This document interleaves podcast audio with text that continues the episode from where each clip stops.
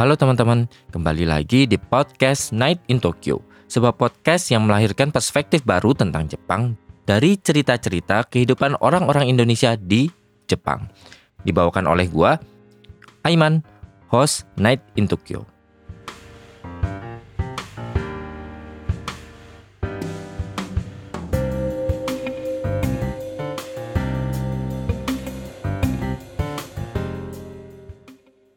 Halo teman-teman, kembali lagi dengan gua Aiman di Night in Tokyo. Gimana teman-teman kabarnya semingguan ini? Semoga teman-teman tetap sehat, tetap baik-baik aja, tetap lancar semuanya. Kerjaan, rezekinya juga, yang masih sekolah, sekolahnya juga. Uh, untuk episode kali ini teman-teman, gua kedatangan salah satu member stand up Indo Tokyo lagi. Jadi dia itu jatuhnya apa ya? Uh, trainee ya trainee di Jepang asalnya dari Bekasi. Ya di sini ada Ajis halo. Halo. Bukan doa ibu ya tapi bukan dong bukan. Halo semuanya. Jadi di sini ada Ajis dia salah satu member uh, stand up Indo Tokyo. Mungkin teman-teman yang sering nonton atau pernah datang ke stand up Indo Tokyo akan sangat familiar dengan Ajis sering MC juga. Betul. Kemarin uh, apa? Ulang tahun tuh apa sih? Sintobi ya. Sintobi Sempat tampil juga. juga jadi ya pembuka. Pembuka. Terus yang terakhir kemarin spesial show-nya Bang Jupri. Oh iya, slip di Juga special jadi show opener. Bang Jupri dia jadi opener teman-teman.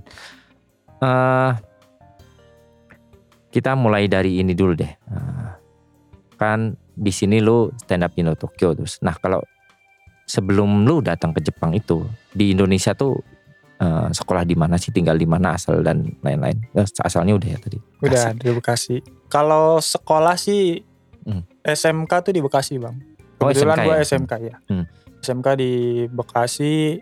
Di Bekasi berapa lama ya? Dari 2007 kayaknya deh.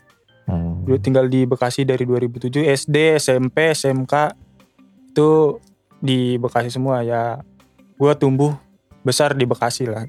Hmm. sampai akhirnya kenal stand up juga di Bekasi. Oh berarti udah kenal stand up itu dari Indonesia? ya betul. Dari Indonesia. Dari tahun berapa ya? 2017 awal kayaknya. 2017 Masih pertengahan SMA berarti itu? Eh, udah lulus. Udah udah, lulus. lulus. udah lulus SMA nganggur dulu nganggur nggak punya kerjaan tuh bingung ngapain isi waktu stand up aja lah gitu akhirnya ketemu stand up dari Jepang juga stand up juga Stand up Bekasi. stand up Bekasi stand up Bekasi Hmm. Berarti 2007 uh udah lama juga. 2017 Oh 17 Oh, enggak 2007. kalau dari Bekasinya tinggalnya dari 2007 Oh. Oh ya ya ya ya. Tu- 2017 datang ke Jepangnya tahun dua tahun kemarin 2022 2022. Iya, baru oh, berarti lama juga ya di stand up Bekasi. lumayan lumayan Udah cukup senior berarti enggak? Enggak juga cuma ya di Bekasi mah gue cuma komik komik open mic doang bang nggak pernah nggak pernah naik special show ya paling ngejob beberapa kali Hmm. gitu nggak ada namanya di Bekasi di Oh. makanya di pas nyampe di sini tuh langsung dapet kepercayaan naik sini wah anjir Karena alhamdulillah gitu karena pengalaman juga ya. betul mungkin itu ya faktor Hmm. karena di Bekasi juga kan ini apa ya eh, banyak komik seniornya juga bang Oh, Yang- kalah lah ya. ya kalah Eh, juga yang Bekasi itu siapa aja sih? kalau generasi-generasi pertamanya yang POB Pride of Bekasi divisi satunya itu Bang Awe, Bang Ajis, Doibu, terus Bang Arya, Arya Novrianus, sama Bang Om Bin, Bintang BT, Oh, yang ini ya. yang gondrong, Eh, apa yang dulu beat paling terkenal masa Remote. Si- Siomay. si Oma ya? Yang mana tuh? Gue malah gak tahu. Yang Siomay ya, Bang? Yang remote. Oh, remote. Iya, gue taunya yang Gue ingetnya yang ini, yang Siomay.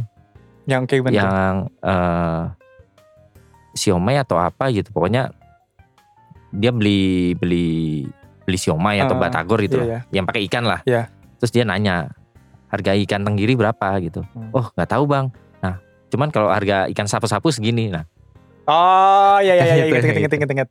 Iya itu itu. Juga salah satu beat legendnya. Mereka itu berempat hmm, eh, generasi pertama Pride of Bekasi. setelah itu muncul generasi-generasi selanjutnya kayak Oh AW itu dari Bekasi. Bekasi Bekasi bang dia POB 1 divisi 1 Gue kirain dia dari Jawa ya. Karena dia Jawa banget ya. emang Masih- iya Iya. enggak sih kalau menurut gua enggak masa Oh iya ya. iya dari mana jawanya Ini ya. Ya atau salah orang ya? Ya udahlah. salah mungkin salah mungkin Eh, Oke.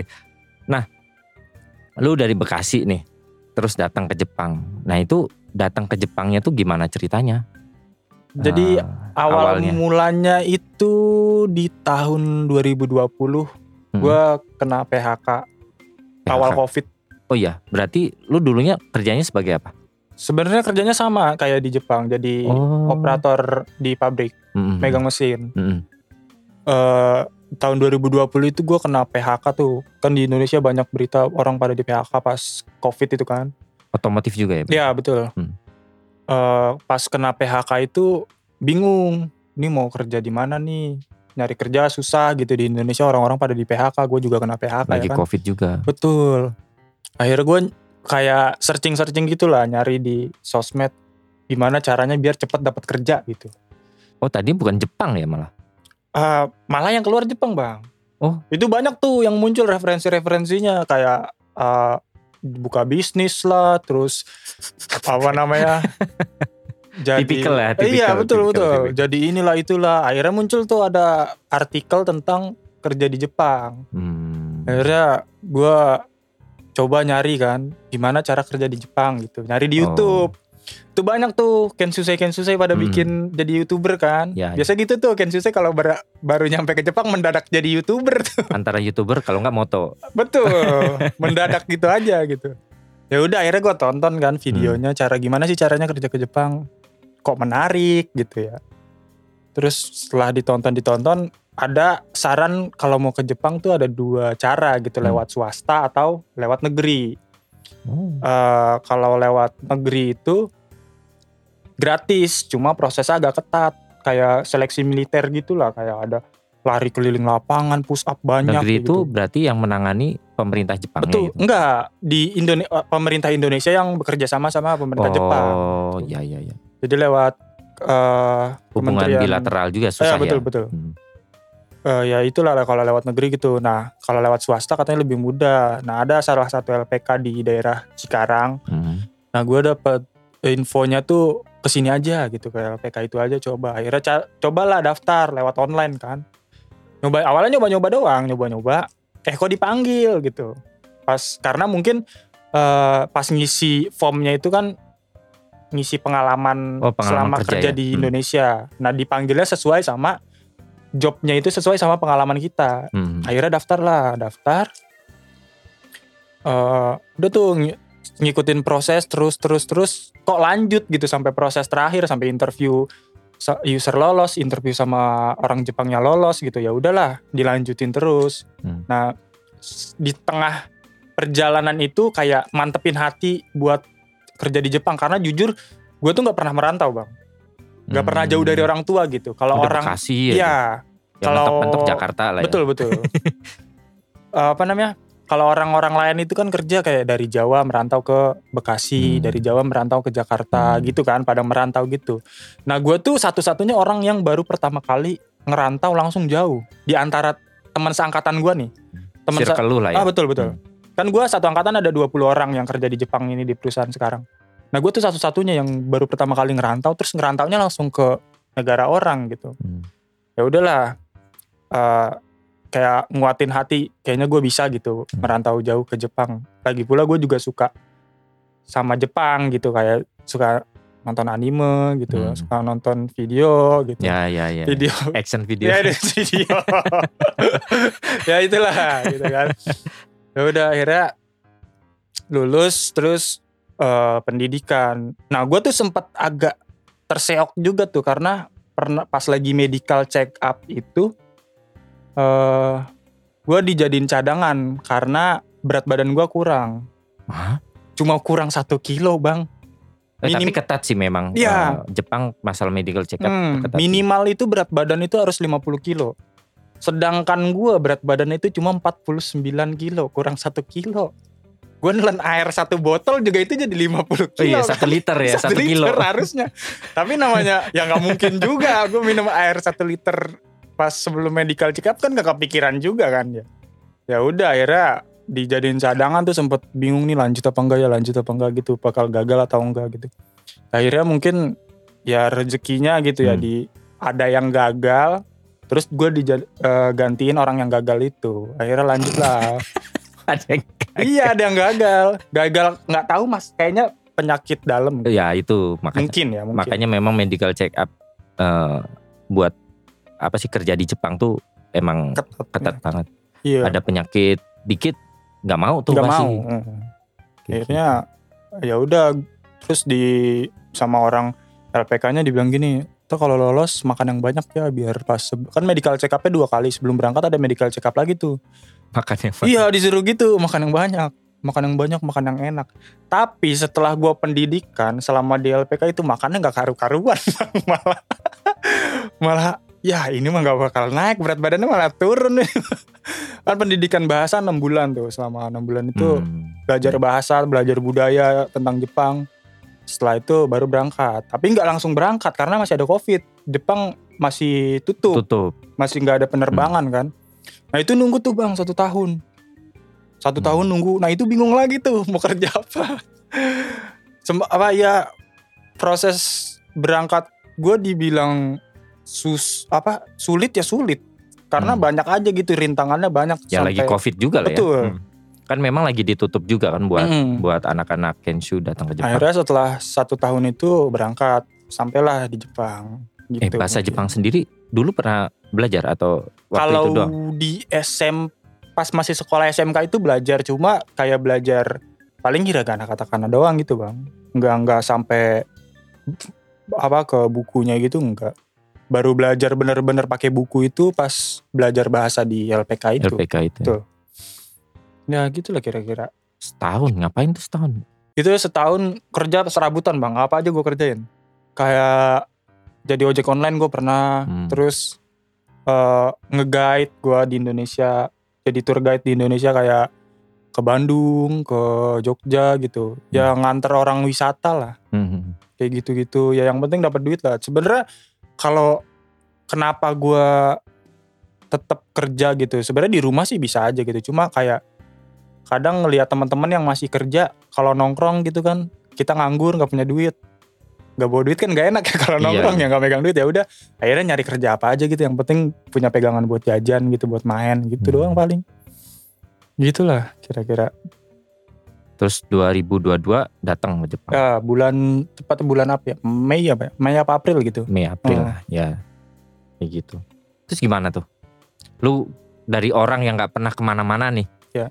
nggak pernah ngerantau yang lu bilang tadi nggak pernah ngerantau tiba-tiba nyampe Narita kan masih Iya Narita nyampe Narita eh, dari pesawat deh di Hmm. pesawat gimana di pesawat itu karena mungkin biasa aja sih di pesawat Hmm. cuma yang gua kaget itu ini apa namanya makanan. Karena gua pertama kali makan makanan Jepang itu pas di pesawat itu. Oh. iya mak gua tuh makan ini apa sih? Eh apa lagi namanya? Umeboshi Umeboshi dikasih umeboshi asem ya? Iya. Gua nggak tahu itu apa. Kirain tuh kayak ini loh kayak salad atau apa makanan penutup gitu kan. Bentuknya kan coklat gitu kayak kayaknya manis nih gitu kan itu gua kaget bang makan gitu. Terus nggak ada manis-manis ya nggak ada manis-manisnya. Terus makanannya apa ya, kayak makanan di rumah sakit hambar gitu. Oh Hmm. iya masa ma- makanan pesawat emang gak ada yang enak. Emang iya? Iya. Tapi katanya kalau kalau boleh ini nggak sih nyebutin nama pesawatnya gitu? Eh, ya boleh. Boleh kan ya? Katanya kalau Ana lebih enak bukan? Ya mungkin lebih enak Iya, tapi daripada Java seenak-enaknya nggak ada nggak ada Nggak ada. ada makanan pesawat yang enak. Kecuali ya bisnis class sama first class iya sih beda cerita malah mau murah makannya mau enak ya. iya Itu sih yang kalau di pesawat yang dikagetin itu makanan paling. Terus juga enak gitu kan. Pelayannya tuh mundur mandir mulu nawarin minum. ya namanya kita orang apalagi gue orang Bekasi gitu jarang hampir nggak pernah naik pesawat. Minum terus sampai Ditap- kembung. Minum terus. minum terus dikasih nyobain apa namanya? Kan banyak tuh kan minumannya kayak Soft jeruk drink, gitu kan terus Coca-Cola kayak Ocha gitu. Semuanya gue cobain Bang minumannya. udah habis nih minta lagi udah habis lagi ya agak norak dikit gitu lah namanya orang daerah ya kan udah pesawat akhirnya nyampe ke Jepang. Dijemput ya itu? Kalau dijemput. Dijemput sama orang Kumiai. Hmm, gimana menginjakan rasanya menginjakan Jepang? seneng sih bang. Ada seneng senangnya gitu. Karena Hmm. eh, Jepang tuh mungkin yang untuk sebagian orang yang suka tentang budaya Jepang suka Jepang itu negara impian banget sih. Seneng ada senengnya gitu. Akhirnya gue nyampe di Jepang. Nyampe nih di Jepang. Iya dulu mah cuma bisa ngeliat doang di YouTube gitu sekarang nginjekin kaki langsung ya gitulah seneng Dijemput Kumiai, eh, lu kerja di mana? Daerah mana? kerja di daerah kalau pabrik pabriknya itu di Fujisawa Yokohama Hmm, di daerah Yokohama sana dari Yokohama. Oh, cukup jauh ya itu lumayan lumayan dari Narita. Banget. tapi dari pas eh iya deh langsung ke itu langsung ke Apato Karena dulu masih karantina kan pas nyampe sini tuh masih ada gitu. karantina Oh iya, iya bener-bener. karantina dulu di Apato orang-orang karantinanya di hotel gue karantinanya di Apato sendiri Hmm. karantina dua minggu jadi dari Narita langsung ke Oh ini nih. Apato eh pertama kali menginjakan Apato nih. Ah. Gimana tuh? Biasanya orang Indonesia kaget gitu. eh dengan apa sih namanya? Apartemen ukuran kamar di Jepang. gitu. Kalau lu kaget nggak? kaget lu tahu materi gue Hah? tahu Oh iya pernah dengar. Tapi ini juga eh gue punya teman juga. Hmm. Apa sih namanya? Eh, kalau gua nggak kaget karena gue udah tahu kalau wah gue tinggal di Jepang pertama kali datang Ah. ke Jepang. Waktu pertama kali datang ke Jepang, gue udah tahu udah udah apa searching macem-macem. Kalau Hmm. di Jepang tuh udah pasti nggak nggak dapet tempat yang gede. Hmm. Tempat di sana udah pasti kecil-kecil. Jadi waktu gua datang, oh ya udah emang kayak gini. Nah teman gua itu ada satu kaget, udah kecil segitiga bentuknya. Bayangin kamarnya segitiga kecil. Mending ya kotak itu masih bisa di arrange Iya, gitu iya, lah, betul, masih betul, bisa betul. diatur gimana. Ini bentuknya segitiga gitu, segitiga kecil gitu. Terus katanya berdua lagi, Ih. bang bed gitu. Nah makanya dia eh ini dalam hati gua ya emang kayak gitu kali di Jepang. Hmm. Kalau lu ke- kepikiran nggak? Kalau Tadinya? sebenarnya udah tahu, udah tahu Oh, kamar-kamar Jepang tuh kayak apa. Cuma kalau apa Togo tuh bentuknya be aneh bang, Aneh. absurd. Maksudnya bentuk tata, tata letaknya tuh beda, apa aneh lah tata letaknya. Kalau Oh bentuk bukan bentuk kamarnya? bentuk kamarnya juga aneh. Hmm. Dan ntar gue kasih unjuk deh fotonya deh. Foto- Anehnya kayak gimana? kayak eh, baru masuk nih kalau yang gue tahu ya kalau kayak apartemen-apartemen di Jepang tuh paling ya lurus ngeplong gitu kan. Hmm. masuk terus sebelah kanan dapur Da- apa kayak set kitchen set gitu kan. Terus sebelah kiri toilet sama Iya. kamar mandi sama ada gengkang gitu kan. Iya. terus udah kesononya kamar gitu kan. Maksudnya ya udah nyelos gitu aja. Kalau gue tuh terlalu banyak ininya kecil tapi banyak liku-likunya gitu Oh. jadi aneh bentuknya. Jadi gue baru masuk nih sebelah kiri mesin cuci, sebelah di pojok mesin cuci tuh kayak kitchen set kecil gitu. Terus Hmm. depannya itu apa namanya eh, kamar mandi, sat, jadi satu sama toilet. Terus depannya itu lemari kecil buat sepatu. Sebelah kanan ada gang kecil masuk itu ke kamar. Nah bentuk kamarnya tuh aneh bang. Kotak bukan, segitiga bukan. Kenapa harus belok lagi? Ya nggak tahu, makanya aneh. Ah, Terus di ininya tuh di langit-langitnya tuh kayak apa ya? Kayak ada sekat-sekat begitu. Gua nggak ngerti itu buat apa. Sekat-sekat. Kayak kayak gimana? Ini kayak model kayak gini nih. Ini kan rapi Oh. gitu kan. Kalau gua ada di pojok situ. Terus di tengah-tengah sini ada nonjolan gitu. Oh. Aneh kan bentuknya? Mungkin itu yang gua kagetin juga sih. Terus juga ya kecil tempatnya apartemen gue tuh kecil. Jadi kalau ada temen main tuh ya gimana ya? Bukannya kita nggak mau nampung ya apa apartemennya muat cuma buat satu orang gitu. Gak mau Lu terang gelar kasur juga udah habis kan? Udah, gue aja tidur di samping kulkas bang. Kulkas kecil tau gak sih? Ya, kulkas ya, ya. yang iya gue tidur tuh di samping kulkas itu.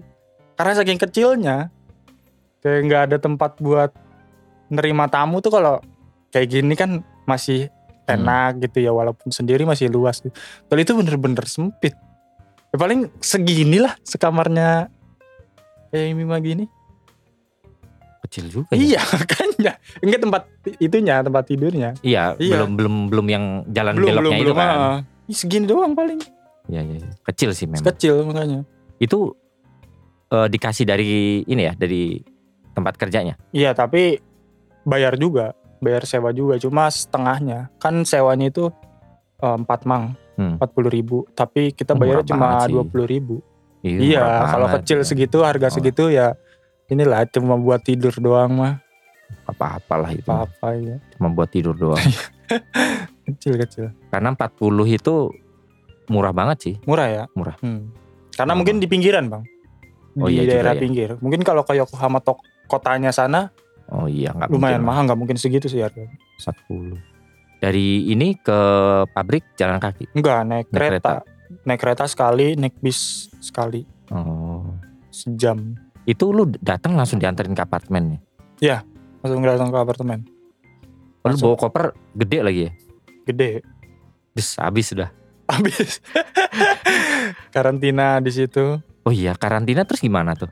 Yang Ya, ngasih makan siapa? Di, ada ada dikasih, kasih makan dianterin makan. Dari orang kantor ya? Iya, Hmm. satu sehari dua kali.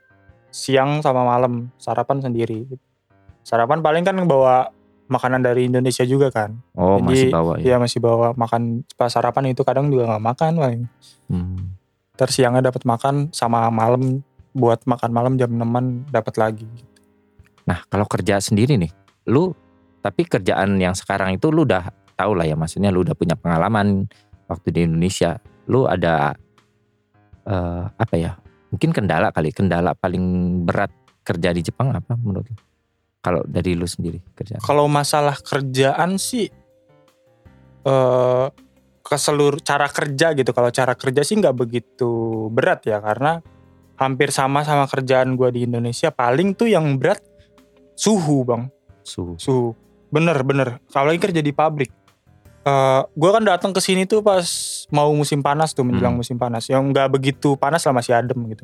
Nah pas musim panas itu bener-bener panas banget bang. Kayak apa ya panasnya di Jepang tuh gak wajar gak sih? Iya ya memang. Di- panas banget. Oh di Bekasi tuh panas bang. Beka- Bener. Bekasi tuh panas. Tapi gue masih bisa hidup di Bekasi. Tapi di Jepang panas gue ngerasa kayak gue nggak bisa hidup kayaknya nih kalau kayak gini terus deh. Kalau pabrik itu berarti ya plong aja gitu aja, nggak ada AC dan lain-lain kan berarti ya? Ada kipas sih. Kipas cuma Kipas. kan di Jepang kan panasnya tuh kering ya. Nggak Iya. ada angin gitu. ada angin, Heeh. iya, bener, Jadi bener. ya ada udara anginnya panas juga kayak Ditiupin Iya, anginnya gitu, juga angin angin panas. gitu. Udah panas tambah panas gitu. Bener-bener kacau lah panasnya di Jepang tuh. Gua kerja kan ada seragam ya kan. Hmm. Tapi kalau musim panas tuh nggak pakai seragam, pakai kaos doang gitu. Oh, iya, pakai iya. kaos biasa. Yang dulu sering dengar istilah kerja keringetan sampai ke pantat-pantat gitu. Nah, Ya gue ngerasain di Jepang bang keringet sampai ke pantat-pantat tuh. Nah, tuh keringet segede oh kerja keringet capek, eh kerja capek, keringetnya sampai segede-gede biji jagung. Saya di Jepang mah udah bukan segede biji jagung lagi, segede jagung panas. Ngalir terus ya. ngalir terus keringetnya. Kacau udah itu kalau apa namanya? Kalau mungkin kalau selamanya kayak begitu mah, untung di Jepang kan empat musim gitu ya kan. Iya. Nanti ya agak mendingan lah dari musim Dua panas. bulan lah ya, Ah, ah tahan dua tahan bulan. dua bulan. Tapi ya kata orang kan satu tahun satu tahun pertama itu masa penyesuaian kan. Hmm.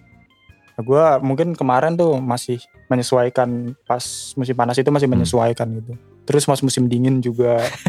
musim dingin dinginnya dingin banget. Kamar dingin masih itu. Ka- Kamar dingin gue di, di tempat kerja bang di pabrik.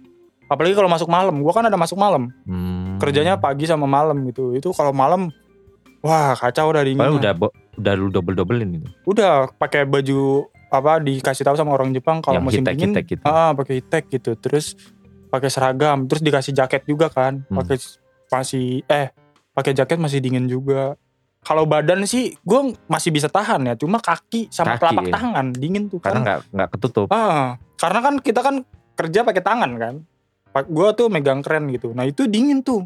Jadi kalau dingin kuku tuh kayak mati rasa gitu. Kalau Oh, ujung kerja. jari ya, Ah, ujung betul, jari. betul. kayak wah mana minus kan? Kalau malam waktu itu gue ngerasain sampai minus 6 apa minus 5 gitu. Oh iya. Ya, bukan Tokyo ya. Malam-malam. Gila kata gue dulu di, di- di Indonesia kan pernah naik gunung kan dingin juga kan? Oh. Maksudnya dingin di Indonesia masih bisa disesuaikan sama tubuh gitu masih wajar lah. Di sini dinginnya sampai minus gila kata gue. Nggak boleh pakai sarung tangan. Boleh, boleh pakai sarung Itu udah tangan. pakai sarung tangan? Udah, udah sarung tangan, sarung tangan dua lapis, Bang. Kerja gua. Tetap dingin. Gila udah panas-panas banget, dingin-dingin banget. Kacau lah. Tapi ya ini sih apa namanya? Ya enjoy aja gitu ngejalaninnya suka aja karena kan udah dari awal udah niatan buat kerja di Kerja sini Jepang. ya jadi hatinya ya udah gitu jalan aja Sempet jalan-jalan nggak? sempet sempet paling Oh. jalan-jalan di sini sini doang di Tokyo Oh. paling pernah pas eh, tahun baru ke sama anak-anak stand up Tokyo ke Hmm. Sawara Chiba desa Edo Hmm. tau gak Tahu tahu. tahu ya di situ ke situ doang paling nggak pernah jalan-jalan jauh bang karena setahun doang duitnya ini belum ada duit lebih gitu karena gue juga kan bayar ke LPK Oh itu nyicil. nyicil selama di Jepang gue nyicil 6 bulan Berapa? 20 ya? Eh, 20 23 23 kan? 23 juta. Standar kan? itu ada bunganya tapi gue bayar sampai 24 apa 25 gitu Hmm. sama bunganya Karena dicicil. Iya. Ya karena duitnya kepake buat nyicil bayar LPK itu jadinya nggak bisa jalan-jalan jauh ke mana-mana. Paling mainnya di sini-sini aja di Tokyo. Setahun nutup? S- Kemarin sih 6 bulan. Nggak nyampe sih nggak nyampe 6 bulan. 5 bulanan. Oh, Udah habis itu habis. udah plong. ya? Udah. Paling sisanya nabung-nabung buat Hmm. nanti pulang gimana. Hmm. Gitu Iya. sih. Nah stand up Indo Tokyo sendiri taunya dari Kalau tahu Sinto itu udah lama sebenarnya. Dari awal Sinto terbentuk gue udah tahu. Oh udah ngeliat Udah, ya? udah. Karena pernah di repost sama Bang Ajis, Ajis Ibu. Hmm. Kalau ada stand up di Oh Tokyo iya iya itu. benar-benar. pernah di repost sama dia terus pas ngelihat itu wah di Jepang ada stand up Tokyo itu pas lagi proses mau kerja ke Jepang tuh bang Hmm. tahu itu wah makin semangat lagi nih ada stand up di Tokyo gitu di Hmm. Jepang udah dari situ tahu ngikutin terus udah follow Instagramnya kan sempat ngikutin apa namanya aktivitas di sini open mic sini gimana gitu akhirnya nyampe sini cuma nggak langsung nyampe Jepang nggak langsung open mic karena Mantau dulu ya. mantau dulu duit duitnya juga belum ada bang belum ada duit Hmm. lebih gitu buat dari Yokohama ke Seribu kan sekali jalan. seribu iya Bolak-balik bolak balik 2000. dua ribu belum bayar open mic belum makan gitu kan Oh iya. iya Makan 500 kan. lima ratus kan Minimal. minimal lima Matsuya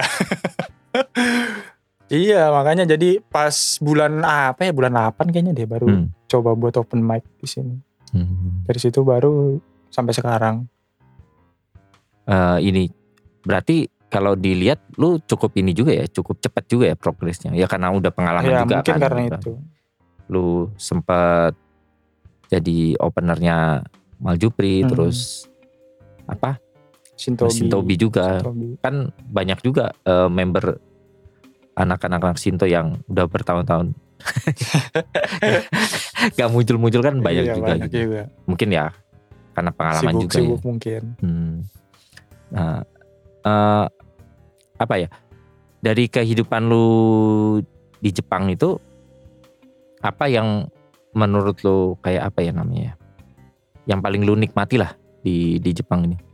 yang paling gua nikmatin karena apa ya gue tuh suka jalan-jalan sendiri bang di Oh, Jepang iya, tuh Jepang tuh enak ya buat iya, jalan-jalan sendiri ya. di Indonesia pun gue juga suka kayak gitu sering jalan-jalan sendiri cuma kalau di Indonesia kan kalau kita jalan-jalan sendiri sering dianggap aneh gak sih Di BKT gitu ya.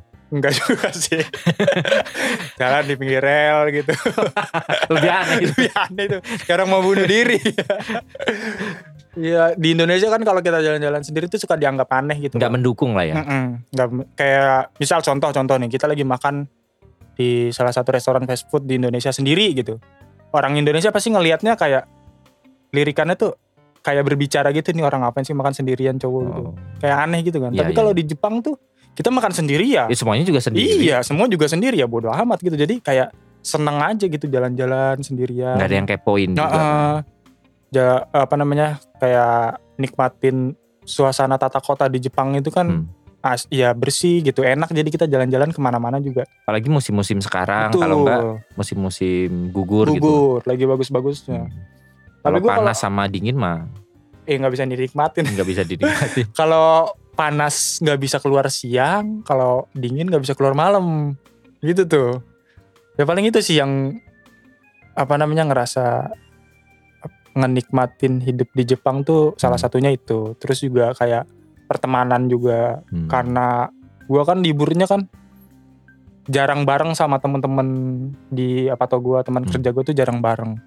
Jadi gua liburnya sendirian nih. Kalau libur sendirian paling gua mainnya sama anak Sinto, sama Hmm. anak stand up Indo Tokyo. Jadi yang tahu gua di sini gimana, terus tahu kayak keluh kesahnya gua di Jepang itu gimana. Yang nemenin ya mereka. Ya anak-anak Sinto yang di Sugamo kayak Bang Luki, Mas Irsya, Tama, Bang Medi gitu. Republik Sugamo lah. Iya Republik Sugamo. Jadi kalau libur mainnya ke sana aja gitu kayak kalau mau cerita apa-apa ya ke sana. Karena kita kan di sini jauh dari keluarga gitu kan. Keluarga ya kalau gue sih prinsipnya gini. Keluarga di Indonesia tuh nggak usah tahu lah susahnya kita di Jepang Hmm. tuh kayak apa gitu. Biar tahu enaknya aja. Jadi ya kalau ada apa-apa ke sana gitu. Hmm. Ya itulah jadi pertemanan itu kayak nomor satu sih di perantauan itu.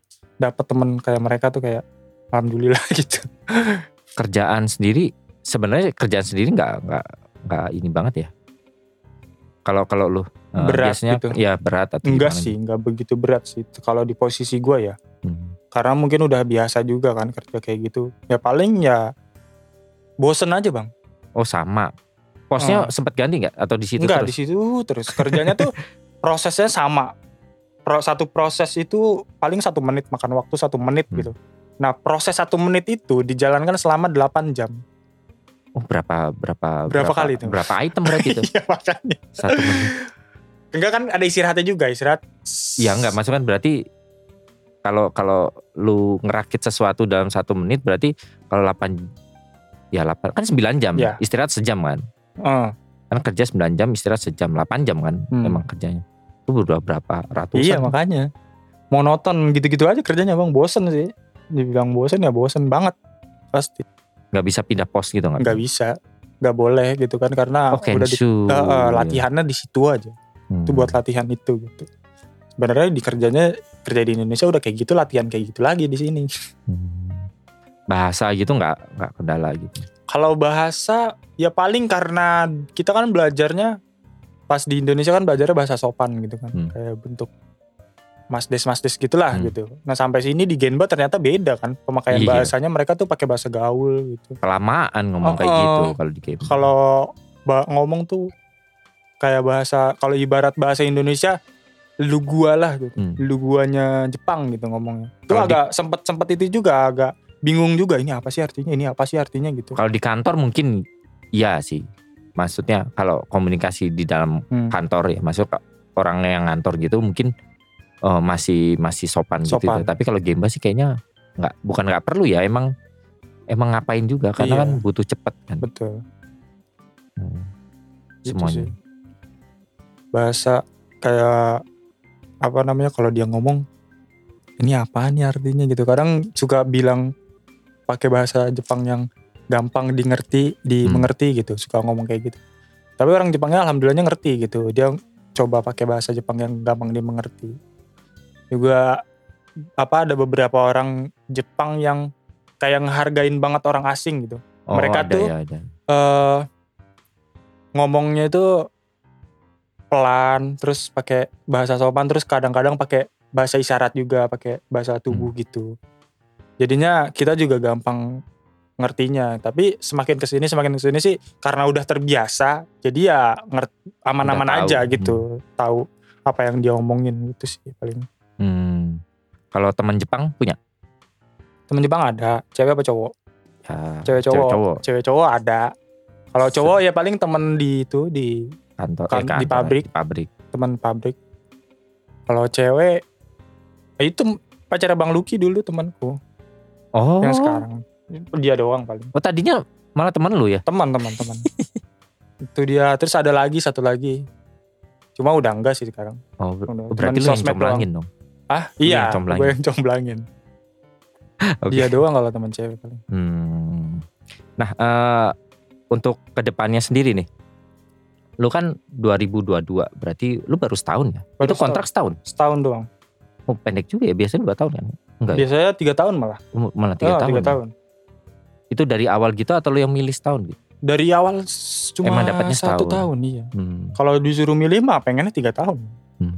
ini tiga tahun biar lama gitu ini cuma setahun doang nggak berasa jadi cuma menyesuaikan menyesuaikan diri doang di Jepang nggak dapet enaknya gitu karena kata orang-orang yang dulu pernah kerja di Jepang kalau tiga tahun itu satu tahun pertama masa penyesuaian Ya saya. tahun kedua itu itu nikmatin enaknya tuh Hmm. udah terbiasa tahun ketiga tuh lagi kangen-kangennya sama keluarga di kampung eh di Indonesia, Indonesia. karena kan udah mau pulang kan nah gua nih cuma dapet penyesuaiannya doang Biasa nih doang. enaknya sama kangennya nggak dapet Belum. belum jadi belum enak belum kangen udah disuruh pulang gitu Tapi nggak bisa lanjut atau gimana? kalau di tempat situ nggak bisa Hmm. nggak bisa lanjut Oh berarti lu pasti pulang nih pulang tahun ini ya? Ah, sebenarnya bisa tapi pindah kerja Oh. pindah di tempat lain jadi kita nyari job lain gitu lanjut Oh bukan ini berarti ya? Apa bukan Kensu lagi ya? bukan Tokute Gino Tokute. lanjut Tokute Gino Ganti Tokute. Kemarin sih sempat nyari sempat Hmm. nyari kerja di sini cuma beberapa kali gagal itu sudah mepet juga kan waktunya udah tinggal sebulan lagi akhirnya kayaknya pulang aja deh dulu gitu Hmm. mikirnya ada beberapa hal yang mutu yang ngebuat gua pengen pulang tuh entah di Jepang entah di Indonesia jadinya ya pulang dulu aja deh nanti kalau mau balik lagi tinggal balik lagi gitu gampang banyak temen di sini juga Hmm. sebenarnya anak-anak sini tuh pada pada kayak ngehalang-halangin buat pulang gitu Oh aset nih aset. Ah, enggak tahu deh, karena mereka tuh jangan pulang Jis, jangan pulang Jis gitu. Cari kerja di sini aja lagi gitu kayak Bang Luki kayak gitu pada ngomong kayak gitu mulu. Apa namanya? Eh, dicari sempat dicariin kerja juga sama dia. Tapi mereka tuh nyariin kerjanya ngeselin. Karena nyarinya tuh kayak yang S1 terus bahasanya harus N2, N1 kayak gitu kan. Gue cuma bahasanya cuma N4 terus lulusan SMK yang Ya nggak bakal salah dong. bisa. Iya. Harusnya yang kerjaan Tokute sih memang. Iya, tapi Pabrik-pabrik kan mereka lagi. nggak ada relasi kerjaan di kayak Tokute gini gitu nggak ada. Oh, Karena- biasanya ini sih itu apa informasi-informasi itu beredar di di kalangan anak kensu kensu juga sih Iya. biasanya. ah. Cuma kan kalau lanjut TG itu ada eh, SSW, Apa itu SS? S- apa ya, Special Skill Working. Jadi itu kayak contohnya kayak kaigo, terus Oh, eh, iya, iya. pengolahan makanan, restoran itu ada kita harus punya sertifikat itunya gitu. Hmm. Itu ada tesnya.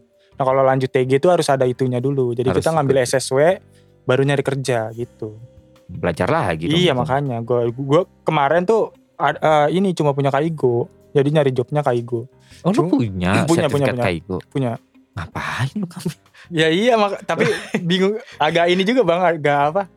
eh mikirin ntar gimana kalau kaigo tuh ngurusin orang tua gitu Iya. mandiin orang tua nyebokin gitu. Iya, Kayak agak memang gitu. agak geli-geli juga tapi tadinya kan niat ya udah yang penting kerja dulu aja bertahan dulu di Jepang gitu. Hmm. Ternyata beberapa kali gagal karena kaigo itu yang diutamakan kan bahasa kan. Oh, iya, kaigonya tuh harus bagus banget gitu. Nah gue tuh interview eh, Mensetsu beberapa kali kalahnya sama yang N3 level bahasanya terus yang udah tiga tahun di Jepang yang pernah pengalaman kaigo ya jelas gagal lah gue Hmm. karena saingannya kayak begitu semua kan gitu. Iya sih. Tapi Kaigo itu orang Indonesia cukup dicari tau. Betul betul. Akhir-akhir ini eh, kayaknya ke depannya pun bakal banyak orang Indonesia yang bakal direkrut buat kaigo di Karena Jepang. ini dia sabar ya orang Indonesia ya. Iya betul.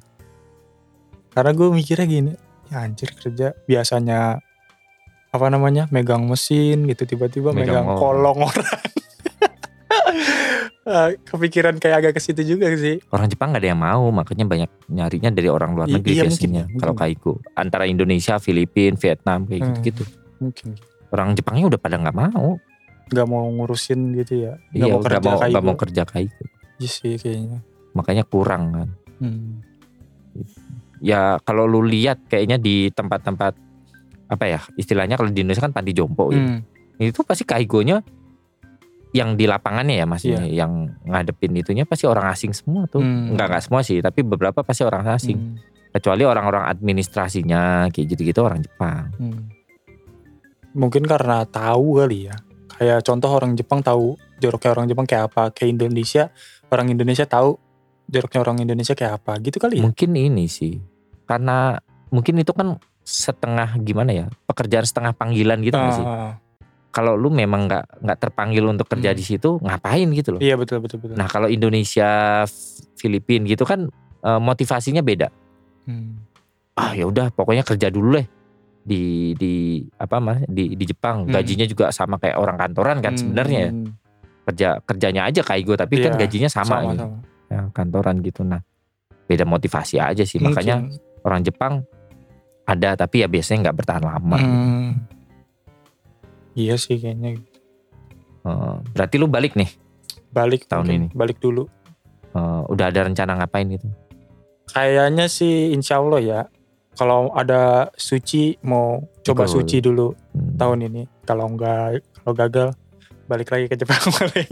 Jadi Tokute dari ini ya banyak Iya. sih dari Ah. Indonesia ya Udah ini sebenarnya ada job udah ditawarin nanti dari kalau mau LPK dari Indo. Kumiai oh Kumiai udah bilang Mas Ajis nanti kalau mau pulang eh mau balik lagi ke Jepang eh, hubungin saya lagi aja gitu. oh Karena di tempat dia ada kerjaan gitu cuma eh selalu ada gitu. Oh, ada. Teman-teman teman gue beberapa ada yang ikut dia, cuma di Hmm. daerah Niigata sana jauh. Karena nyarinya tuh yang di daerah Iya. Kanto, di daerah Tokyo biar bisa stand up gitu kan. Salah satu alasan kenapa pengen bertahan ya karena stand up sebenarnya. Hmm. Karena teman-teman di- Komunitasnya. Ah, ah. kalau nggak karena itu mungkin yang apa ngambil di Niigata sana juga. Yang penting kerja di Jepang gitu. Jadi kalau oh. oh bukan nggak dapet ya banyak kan dapetnya malah dapat jauh jauh-jauh Iya. di Niigata tuh kalau ibarat di kalau kata orang Indonesia tempat jin buang anak. Jauh. Di pelosok. Jauh banget bang. Niigata iya iya. Tempat jin buang anak. Berarti ya eh, mungkin ya apa ya namanya refresh dulu kali ya. Betul. Indonesia. Pulang dulu ke Indonesia ntar kalau ngapain gitu. Ngapain kayak nikahin anak orang. Ya mungkin nikah dulu Mungkin gitu. ya. Kita kan nggak tahu. Nikah ditinggal balik lagi gitu ya. tapi ada tetap keinginan buat eh, ke Jepang lagi lah ya. Ada, ada. tanggung ya bre? Perasaannya tanggung ya? Betul. Belum belum bosen bang. Oh, belum lebih bosan. tepatnya lebih belum bosen. Ngeluh aja belum ya? Belum. Yang ngeluh ada beberapa kali gitu. Cuma kayak nanggung banget nggak sih cuma satu tahun tuh? Kayak Iya sih sebentar ya. banget gitu. Hmm. sebentar banget makanya pengen lama cuma ya udahlah pulang dulu aja bentar gitu. Ntar Hmm. balik lagi. Hmm. ya paling tahun depan balik lagi sih. Iya mungkin. Atau nggak nikah ya. dulu kali. Mudah-mudahan. Kayak ini sih mau mantepin bahasa dulu lah gitu. Nanti aja biar Oh, nyari kerja di sininya gampang. Iya iya, paling iya, iya. gitu. Oh berarti cari cewek Jepang kalau kayak gitu. Hah? cari cewek Jepang kalau kayak gitu. Cariin lah bang. Orang pabrik aja. Orang pabriknya Speak, ketemunya speak. dia dia lagi. Oh, iya. ketemunya dia tapi ada yang muda gak sih? Apanya? Ceweknya? Hmm. nggak ada bang nggak ada. Janda cuma kali. nggak tua nggak tua tua banget sih. Oh, kayak umur umur 28 29 30 gitu lah nyari janda aja. Hah? janda. Nggak bisa bedain bang. Di Jepang janda janda yang nggak yang janda sama yang enggak tuh kayak gimana? Nggak bisa bedain. Oh iya juga sih. Kalau di Indonesia gampang bedain ya? Oh, iya? kalau janda. tahu sih. Emang Kalau- gimana bedainnya ya kalau janda tuh lebih lebih genit aja kelihatannya kelihatan lebih genit kalau Oh. rambutnya pirang gitu oh mungkin harus di dideketin dulu baru kelihatan janda biar ketahuan ya Iya. tapi emang banyak bang janda di Jepang ya banyak yang cerai orang di maksudnya di di Jepang juga banyak yang cerai juga oh. karena nggak ada apa ya beda lah ya kalau Oh. kalau kalau di Indonesia kan ada tuntutan moral nggak boleh Hmm, cerai gitu hmm. kalau di Jepang mah ya cerai cerai aja gitu. Tapi bener gak sih? Gue denger dari ada beberapa orang Jepang yang gue tanyain gitu kalau apa namanya eh, orang Jepang itu kalau udah nikah tidurnya sendiri-sendiri. ya ada yang kayak gitu Kenapa ya? bukan kenapa sih lebih tepatnya ya eh apa ya motivasi budaya juga bisa Ya kan maksudnya mereka udah kan kalau lu lihat gitu. di di di film-film di TV-TV gitu kan Hmm. apalagi yang masih tinggal di futon-futon Hmm, futon kan gak ada yang lebar Iya. kan futon satu-satu kan ya. iya mereka gelas futon ya gitu. pasti ya pas gitunya doang Hmm. bersatu gitu Nah, habis itu tidur sendiri-sendiri ya kayak kayak kalau seandainya punya kasur gitu, kenapa nggak memilih buat tidur bareng gitu? ah Kenapa ya? nggak tahu sih Gak tahu ya. mungkin ada Menurut gue tuh aneh tau. ada ada masa di mana biasanya juga ya ya ini cuma asumsi opini gua doang gitu loh Hmm. kalaupun mereka bertahan mempertahankan se- sebuah pernikahan di Jepang itu itu karena komitmen juga Hmm. gitu Hmm. jadi ya ya udah bertahan aja, bukan bertahan ya, ya udah nikah Iya. aja gitu, mempertahankan keluarga aja gitu. Jadi urusan ranjang nggak ada yang tahu. Gitu. Hmm. Itu opini gua doang sih. Ada yang kayak gitu. Sendiri-sendiri gitu. Iya. Jadi kan kalau kalau kalau kita di Indonesia itu kan konflik kan. Iya. Maksudnya lu pisah ranjang itu adalah sesuatu yang tanda tanya besar kan. Hmm. Nah kalau Jepang ya karena memang kesepakatannya kayak gitu, meskipun eh, masih nikah ya ada Berat- aja Berarti gitu, kembali lagi ke budaya sih ya. budaya. Budaya. Hmm. Dan mungkin ini juga sih ya apa ya namanya orang Jepang kan sangat ini banget ya. Bubble-nya kan sangat sangat ini Hmm. Privasinya Privacy, sangat menjaga betul, gitu loh. Meskipun di dalam dalam keluarga juga gua rasa hal itu tetap ada. Eh, Hmm. Kan itu juga pernah pernah cerita kan. Si siapa yang paling terkenal tuh di Indo tuh? Orang Jepang. Haruka, Haruka, Haruka. Haruka, Haruka. kan pernah di salah satu talk show kalau nggak salah gitu. Pernah dibilang kan eh mau nikah atau enggak gitu. Terus kalau nikah gimana? Dia sempat ke, nyeplos kecep, entah keceplosan apa atau memang kayak gitu. Ya kalau nikah nikah aja gitu, nikah ya ntar tidurnya sendiri-sendiri dia bilang kayak gitu. Hmm, berarti dia masih menganut budaya Jepang juga ya. Iya. Gimana kalau nikah sama orang Indonesia ya? Ya itu kan semua tergantung kompromi oh juga iya kan. sih benar benar. benar.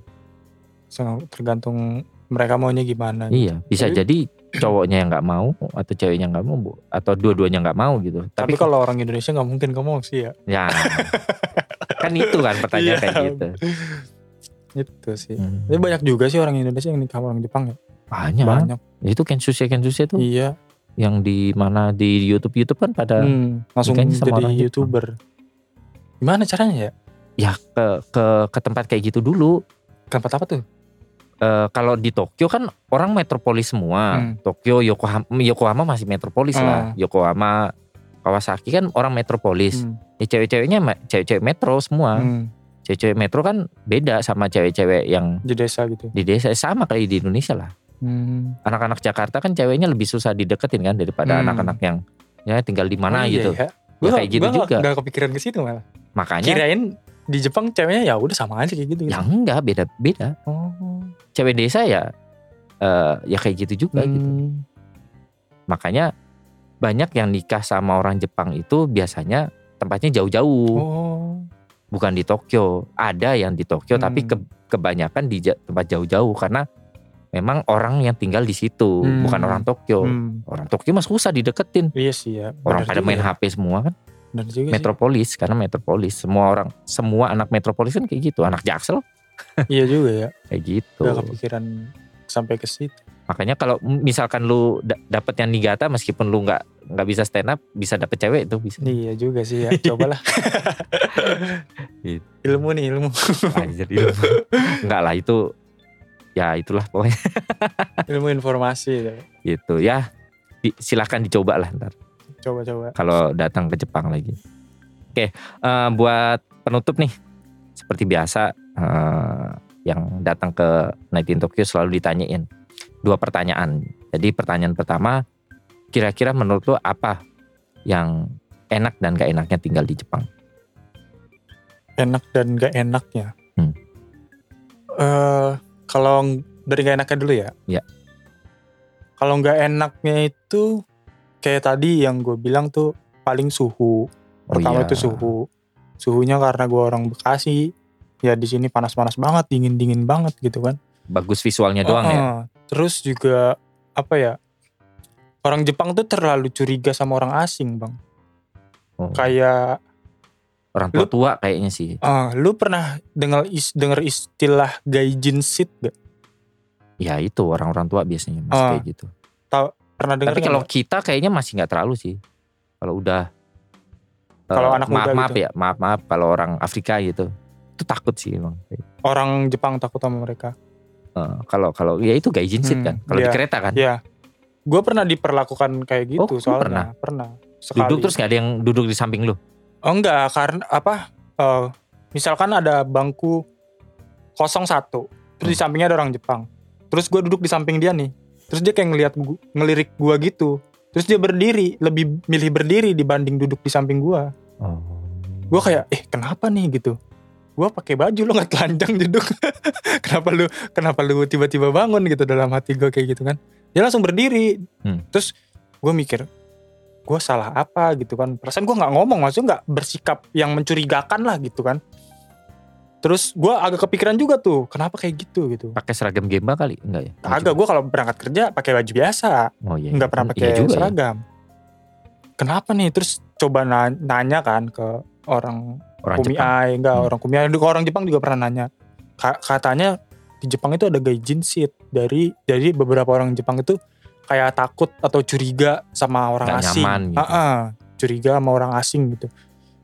Makanya kayak gitu oh gitu ternyata. Itu sih salah satu yang bikin gua kaget gitu.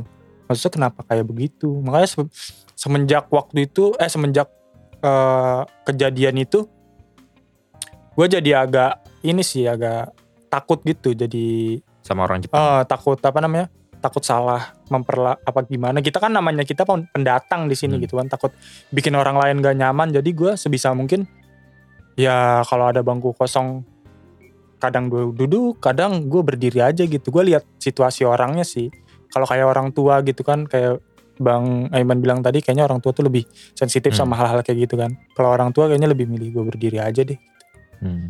Itu. Terus apa lagi ya? Oh ini banyak orang mabok di Jepang. Gue risih dah bener dah. Gue pernah lagi jalan di Kabukicho. Wah di Kabukicho mah jangan ditanya. Iya, cuma yang pas baru-baru pertama kali datang tuh kan gue main ke Kabukicho tuh. Hmm. main ke situ. Ada orang mabuk gue dirangkul bang. Dirangkul terus dia muntah depan gue anjing. Kayak kayak apa ya orang Jep ya orang Jepang kalau nggak mabuk pendiam nih. Iya, pas mabuk tuh beda banget gitu beda banget. gue agak risih dah kalau kalau sama hal-hal yang kayak gitu makanya gue agak takut dah se- sekarang tuh sama orang mabuk takut kayak gitu gitu takut ntar gue diapa-apain Karena beda banget ya orang Jepang Ah. kalau udah mabok. iya gue oh takut lah gue kalau ngeliat orang Jepang mabuk tuh kadang sampai ada yang teriak-teriak gitu kan ngomel-ngomel apa ngomong apa segala macem gitu ngeri lah itu sih yang yang bikin nggak enaknya itu paling Hmm. kalau enaknya ya Jepang tuh negara yang nyaman Hmm. Uh, terus apa ya nyari apa-apa tuh gampang di sini tuh serba praktis gitu Oh iya iya iya. benar. serba praktis terus tepat waktu kereta tepat waktu semuanya tepat waktu karena uh, kayak contoh janjian gitu sama orang Jepang mereka tuh selalu datang 5 menit atau 10 menit 10 menit lebih sebelum. awal lebih dibanding kita padahal contoh kita janjian jam 7 pagi gitu mereka itu bak- bakal datang jam 7 kurang 5 jam 7 kurang 10 kayak kayak mereka tuh kayak menghargai kita banget gitu gak sih gua ngerasa ih anjir Karena orang Jepang eh, menurut orang Jepang jam 7 itu udah udah telat. iya mungkin ya Iya. Jadi datang tepat waktu tuh telat bagi mereka. hmm, iya tuh kayak enaknya gitu sih apa ya nggak ada ngaret-ngaretan gitu Hmm. karena kita di Indonesia kan kita janjian sama temen nih janjian jam 7 gitu ntar jam setengah 8 baru dateng. Jam udah bilang ini udah OTW nih setengah 8 OTW padahal mah baru bangun. Bisa kan gitu kan kalau orang Indonesia ya. Kalau di Jepang kayak apa ya mereka tuh kayak menghargai banget gitu lah Hmm. menghargai kita. Itu sih yang bikin gua enak dan nyaman tinggal di Jepang. Terus apa kayak oh mungkin karena gua tinggal di kota jadi ke mana-mana Oh, enak iya, deket iya. gitu ke Kereta. Tokyo deket ke main ke Yokohama deket gitu kan ya paling itu sih yang Hmm. enaknya terus masih banyak hal yang belum gua Explore lah. explore di Jepang makanya gua Ya, masih, masih setahun Oh, ya. Ya, mudah-mudahan nanti bisa balik lagi lah balik lah sih kayaknya. harusnya sih balik Oke, nah eh, ini ke- kebalikannya nih. Apa yang menurut lu enak dan gak enaknya tinggal di Indonesia? enak dan gak enaknya tinggal di Indonesia karena gua gua kan tinggal di Bekasi ya Hmm. ya di daerah gua aja gitu mungkin Iya. kalau nggak enaknya itu kalau masalah kerja di Indonesia tuh cari kerja susah banget bang entah kenapa ya gue juga nggak ngerti kayak eh, syarat buat daftar kerja di Indonesia tuh terlalu spesifik gitu kayak contoh ada lowongan kerja nih tingginya harus 170 Oh, ini apa sih persyaratannya tuh gak persyaratan masuk nah. akal. betul tingginya harus 100 Berparas baik. Iya, harus cantik, harus apa namanya berat badannya harus proporsional. segala macem lah anjir kata gue orang kan kayak contoh itu lowongan kerja di pabrik gitu. Orang kerja di pabrik menurut gue gak harus cantik gak sih? Yang penting mereka bisa kerja gitu kan punya Hmm. tangan punya kaki punya pikiran yang apa yang waras gitu. Yang penting bisa kerja gitu. Kenapa? Anda ngasih eh, syarat persyaratan kerjanya itu ter, ter- kayak nyari artis gitu. Oh. Iya gue malah merasa itu template nggak sih? Jadi sebenarnya biar biar lowongan kerjanya bagus aja gitu. Enggak juga sih bang. Tapi se- nyatanya tuh begitu. Oh nyatanya. Ada beberapa gue nggak bisa menyebutin Oh. perusahaannya, tapi ada salah satu perusahaan di daerah Cikarang, di Hmm. pabrik di daerah Cikarang itu syaratnya tuh yang ngelamar kerja cewek harus cantik, badannya harus bagus. Ngapain? Lah iya, orang kan mau kerja di pabrik ya. Kerja di pabrik kan kotor, emang mau fashion show anjir. Di atas conveyor kan kagak. Oh ini tuh emang gatel aja kali ini Iya. supervisornya. Anjir. Aneh-aneh itu sih yang bikin kayak ya maaf-maaf gitu namanya orang kan nggak ada yang sempurna ya Hmm. namanya eh, bentuk fisik atau gimana tapi mereka butuh kerjaan karena kekurangan eh, kekurangan mereka mereka jadi nggak dapat kerja gitu Hmm. ada beberapa teman gue yang menurut gue skillnya memumpuni Hmm. tapi karena ada kekurangan entah warna kulit kah atau apalah itu jadi nggak bisa kerja karena itu gitu Hmm. Ya, seharusnya- Hmm. lebih bijak lagi lah dalam mengeluarkan persyaratan untuk orang daftar kerja gitu kan itu sih yang bikin gua nggak enak karena gua ya itu pernah gua dulu dulu gua pernah ngelamar kerja eh kasusnya sama kayak gua mau ke Jepang berat badan gua kurang Hmm. karena kan apa namanya? Ya kayak gitu. Cuma kurang paling kurang sekilo kurang dua kilo gitu berat badannya. Ya kan gua kerja. Kita kan nggak kerja nggak selalu ngangkat Hmm. ini kan nggak ngangkat berat gitu kan nggak selalu. Menurut gue ya udah orang mah lolosin aja gitu. Toh ntar dia kalau udah kerja punya duit pasti berat badannya naik gitu kan. Karena makan ya. iya. Itulah yang bikin gue kayak ih, kayak rasis banget gak sih kayak gitu tuh? Tapi emang persyaratan berparas baik sih nggak masuk akal sih memang. iya Ngapain? kadang yang Makanya gue merasa ini jangan-jangan template doang gitu gara-gara eh, di setiap lini masa di setiap lini pekerjaan ada ada berparas baik semua. Heeh. Lah yang ber di Jepang nggak kayak gitu kok enggak kan? enggak kan kayak tesnya tes Hmm. buat masuk kerjanya nih misalkan kita udah lolos seleksi pemberkasan apa segala macam kan ada tesnya tuh tes tulis kayak Hmm. eh, matematika terus tes psikologi Hmm. terus Oh, Ada- psikotes, ah, psikotes. psikotes Hmm. kayak Kraepelin ada matematika itu Hmm. Kraepelin menurut gue tes-tes kayak gitu tuh nggak terlalu berpengaruh sama kerjaannya bang kayak gue Hmm. pernah ikut tes nih lolos gitu di kerjaannya tuh nggak kita praktekin sama sekali Hmm. apa yang dites ya kalau eh, tes psikologi kayak tertulis tentang eh, IQ kayak gitu masih masuk akal lah Oh, karena logika kan dasar. logika, ah, itu Logika masih masuk dasar, akal tapi kayak MTK terus tes gambar apalah segala macem. Gue pernah bang tes ngocok kartu. Mau kerja disuruh ngocok kartu. Di Gua kan- Indo itu kan. iya. Hmm. ngocok kartu gue kan tangan kiri kan. Ngocok kartu itu tangan kiri gue kalau ngocok kartu tangan kiri. Dan sedangkan nggak boleh ngocoknya itu nggak boleh pakai tangan kiri harus tangan kanan. Nggak lolos. Padahal kan cara ngocok kartu di mana mana sama ya. Kayak Iya, iya. gitu itu nggak dilolosin hanya karena gue ngocok kartunya pakai tangan kiri Kira-kira kidal doang. Heeh, tapi gue makan apa segala macam tangan kuat gue tangan kanan cuma ngocok kartu aja Oh. tangan kiri itu nggak dilolosin masa emang lu kerjanya ngapain anjir gitu emang lu kerjanya di apa domino apa ngocok kartu bagi-bagiin kartu kan enggak Nah gitu. ini nih, Eh gimana nih? eh apa sih HR tuh? Human, eh, re- ah, HRD. HRD ya ya HRD. ini ini abang-abang HRD ini gimana nih?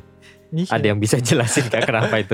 di Jepang kan nggak kayak gitu kan Enggak. di Jepang tes kerja tuh langsung mensetsu udah Cuman mensetsunya ribet sih. memang. iya interview Hmm. nggak ada tes tertulis yang nggak kita pakai Ada pas paling kita kerja psikotesnya doang, ya eh, masih wajar tapi tes kan kepribadian gitu. Jadi ya eh, dari dari tes itu jadi mereka tahu gitu loh. Kita cenderung ke mana? hmm. Anak yang lebih kayak gimana kayak gitu gitu. ya gitu kan untuk ngebaca Hmm. karakter si Hmm. calon karyawan kan Calon. masih masuk akal lah menurut gua dan di kerja di Jepang tuh syaratnya nggak terlalu kayak begitu kan nggak ada Hmm. tinggi badan harus gini berat badan harus gini Nggak. bahkan di Jepang aja orang tunanetra aja bisa kerja kan Iya. orang cacat aja maaf, maaf nih orang cacat aja bisa kerja di Jepang ini apa gue dulu pernah pernah berpikir kalau di Jepang tuh kok kok kayaknya orang cacat banyak ya gitu. Hmm. Rupanya setelah gue pikir-pikir bukan di Indonesia orang cacatnya nggak banyak. Gue rasa sama banyaknya, cuman di di Jepang itu orang cacat tuh mandiri gitu. Betul. Bisa mandiri maksudnya, ya. maksudnya lu di eh, dengan semua fasilitas yang orang Jepang punya itu orang berkebutuhan aja masih bisa Hmm. beraktivitas secara normal Iya. gitu loh. Nah bedanya kalau di Indonesia, kenapa bukan bukan nggak banyak orang eh, berkebutuhan di Indonesia, cuman mereka nggak kelihatan aja karena Hmm. nggak nggak ada yang keluar gitu, Hmm. karena nggak bisa eh, infrastruktur di Indonesia nggak nggak mendukung mereka untuk ber, Salah ber- satunya itu sih. beraktivitas secara normal Hmm. gitu loh. Ujung-ujungnya jadi pengamen lagi, pengamen Iya. lagi gitu. Makanya kayak gue agak bangga juga sih gitu ngeliat Hmm. Jepang uh, mempekerjakan orang-orang yang ke- berkebutuhan khusus kayak gitu. Hmm. Kayak mereka tuh kayak mungkin ya yang dirasakan sama mereka kayak kepercayaan diri mereka tuh tumbuh lagi nggak sih? Kayak Hmm. walaupun gue kurang gue masih bisa menghasilkan duit buat diri gue sendiri gitu. Hmm. Beda sama kalau di Indonesia kan ya orang cacat ya udah gitu aja gitu. Paling-paling ya mentok kayak balik lagi ke tadi jadi pengemis gitu kan. Jadi kasihan gitu. Seharusnya dibuatlah eh, kerjaan apa yang bisa mereka lakukan gitu. Contohnya misalkan kalau kita dia masih eh, bisa berpikir gitu, masih eh, normal tapi nggak bisa jalan. Mereka bisa ditaruh di office kayak gitu kan. Kan Hmm. bisa kayak gitu kayak Iya iya. di benar. Jepang kan salah satunya kayak gitu kan orang yang pakai kursi roda gitu eh, mereka nggak bisa kerja berat tapi mereka dikerjanya di office kayak gitu kan menurut gua harus kayak gitu sih Hmm. Gitu. Kalau lu perhatiin juga di Jepang orang-orang yang tunanetra gitu me- mena- menavigasikan ininya juga pakai handphone, Iya, iPhone. heeh. Jadi dia kalau ada yang kayak gini-gini maksudnya handphonenya dideketin Oh. gitu, itu tuh biasanya tunanetra gitu. Iya. Jadi voice commandnya tuh Hmm. dari handphone gitu. Jadi dia gini-gini gini. gitu. di tempat kerja gue juga banyak sih orang yang berkebutuhan khusus gitu yang kerja kayak gue pernah kaget dulu pas baru pertama kali kerja gue kaget ngeliat orang lagi bersih bersih lantai ngepel itu ketawa ketawa sendiri gue Oh. tanya itu kenapa gitu dia apa kesurupan masa di Jepang ada kesurupan sih gitu kan Oh Itu mental ya kenapa? mental. Ah, katanya eh, autis. Eh, dia autis tapi kok boleh kerja gitu. Gue tanya ke orang kumiai gitu. Kok boleh kerja sendiri? Ya kalau di Jepang nggak apa-apa kalau orang berkebutuhan khusus lagi dia masih bisa kerja, ya mereka dipekerjakan. Hmm. Makanya dia walaupun maaf maaf nih ya pikirannya nggak benar, tapi dia masih punya tenaga, masih paham eh, dia harus ngapain, ya dia bisa kerja Bisa gitu. Kayak kerja. dia kan nggak bisa mikir nih tapi dia punya tenaga makanya dia disuruh uh, Bersih-bersih. bersih bersih gitu Hmm. makanya kayak ah keren lah Jepang gitu gue aja eh, sempet denger podcastnya ada si salah satu podcastnya si Mamat kan Mamat Hmm. Al Katiri gitu dia ngebahas gitu ada sesuatu yang lucu Eh, jadi kan lu tahu tuh jalanan kuning kuning itu loh ya ya yang ya. buat yang tunanetra ada kan di Jepang banyak tuh gitu-gitu nah ya. Di di salah satu tempat di Jakarta kalau nggak salah di area Sudirman lah Hmm, itu tuh ada jalan kuning kuning itu hmm. ujungnya tuh tembok Nah. nah terus fungsinya tuh apa gitu loh mereka mereka berpikir kayak gitu loh Ah. lah terus itu tuh di- dibuat untuk apa kalau gitu Ah. kan itu tujuannya buat nge-guide dia Hmm. supaya misalkan kalau kalau di Jepang kan eh, nge-guide ke stasiun Iya. ke mana gitu itu kan mereka ngikutin itu Hmm. kan gua sampai pernah ketabrak juga tuh gara-gara jalan di Hmm. di di situ ditabrak sama orang, tunanetra iya, gitu. kaget gua juga. buta kan. Gitu. Nah nah di Indonesia tuh ada disediain kayak Hmm, gitunya beberapa tempat. Tapi ujung-ujungnya ke tembok lah terus fungsinya apa gitu? Dia bakal nubruk. ke sana terus nubruk gitu. Kayak gitu. Di Indonesia masih belum lah. Iya. berpikir sampai sananya masih susah. Ya itu salah satu. Nggak enaknya itu sih paling syarat kerja di Indonesia tuh masih kayak begitu gitu. Dan enaknya ya enaknya paling makan tuh nggak terlalu ribet nggak kayak di oh, Jepang. selera lah ya. Eh, makan apa aja bisa di Indonesia. Kalau kita kan lidah kan sama masakan Jepang tuh awal-awal ya. Awal-awal seneng.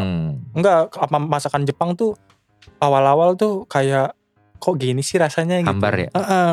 di Jepang tuh cuma ada rasa asin sama hambar udah asin, Asin, sama hambar, hambar. doang. Asin sama hambar doang. Tapi ya semakin ke sini kita semakin terbiasa sama Hmm. makanan Jepang gitu. Kalau di Indonesia kan kita makanan rasanya macam-macam kan enak kayak makan contoh makan nasi padang gitu. Itu kan rasanya macam-macam tuh campur-campur. Enak itu sih makanan terus ya kayak teman gitu. Di Hmm. Jepang kan eh di Indonesia kerja bisa pulang kerja atau malam minggu gitu libur bisa nongkrong sama teman Hmm. di sini tuh nggak bisa nggak ada gitu di tengah di pertigaan ada orang nongkrong sambil genjreng-genjreng gitar tuh nggak ada di Jepang iya, kan ada. iya Kemarin buka puasa aja digerebek kan? Bukan Oh iya digerebek tuh. sih, didatengin. didatengin polisi Kayaknya sih berisik sih. oh berisik belum lama tuh ada orang Indonesia buka puasa di gerebek kirain polisinya mau ikut Nah, kita buka pernah juga. sekali loh digerebek. jawaban Mekan Ya. ini di tempat yang nanti malam Oh, tempatnya sama. katanya iya tapi gue belum ada bang pas digerebek tuh belum ada Itu lucu sih memang.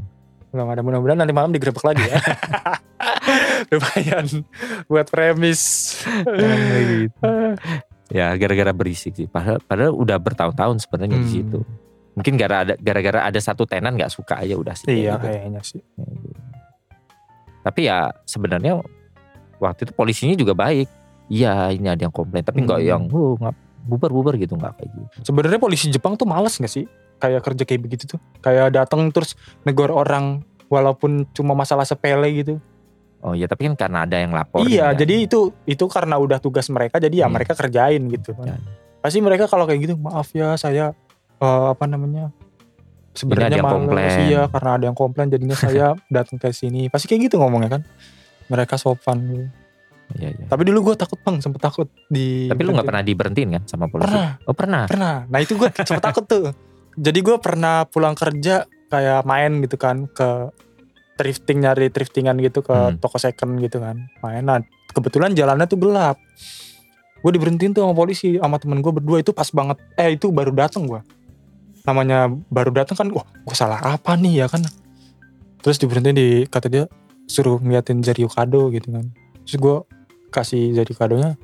Terus gue nggak nanya kenapa nih gitu kan apa gue ada salah? Gue cuma mikir di pikiran gue tuh apa gue ada salah atau gue ngelanggar lalu Hmm. lintas mungkin ya? Ternyata kata dia enggak di sini tuh ah, bisa ada kejadian ah, penjamretan kata dia kayak gitu. Jadinya orang yang lewat sini diberhentiin terus disuruh lihat data dirinya gitu kan. Takutnya ah, ilegal atau gimana yang ngelakuin itu gitu kan. Ya udah akhirnya Oh. dikasih unjuk gitu. Nah alhamdulillah polisinya baik. Nggak ngomong nggak ngegas atau kayak gimana gitu kan. Jadinya ya gue agak tenang dikit gitu. Hmm. tapi awalnya agak kaget juga diberhentiin sama polisi. Ah si Rio aja sering kok itu. bang itu Rio dia Jamet. jamet. Dia pakai yakuza. ya Padahal dia orang. Jepang. iya. Banyakan dia, gue nggak pernah diberhentiin. harusnya dia ngomong Dia sering banget tuh harusnya dia ngomong aku wong Surabaya cok harusnya dia langsung ngomong kayak gitu Wong Jepang cok. Iya, emang, emang serem sih tampangnya. ya. Heeh. Kalau nggak diajak ngobrol serem sih memang. Penampilannya. tampang- Tampangnya dia, Hmm. penampilan. kayak baju metal metal gitu kan Tinggi lagi. Heeh. Dulu rambutnya panjang kayak Steve Aoki gitu. Iya, gondrong Gondrong segini. Udah udah beneran ini. ya beneran kayak yakuza ya Gitu. itu belum dibuka aja bajunya ba- tato semua itu belum ngomong aja medok mau Oh, iya, ngomongnya. iya iya iya Gitu. Oke lah. Eh ya mungkin itu aja teman-teman buat episode kali ini. Terima kasih Ajis sudah datang sama-sama mampir berbagi cerita. Eh, lu ada ini nggak apa Instagram atau apa? Ada. Kali orang mau pengen tahu nih Ajis yang mana? ada Instagram at ajisfatur underscore Ajis Fatur underscore Iya. itu dia. Oke.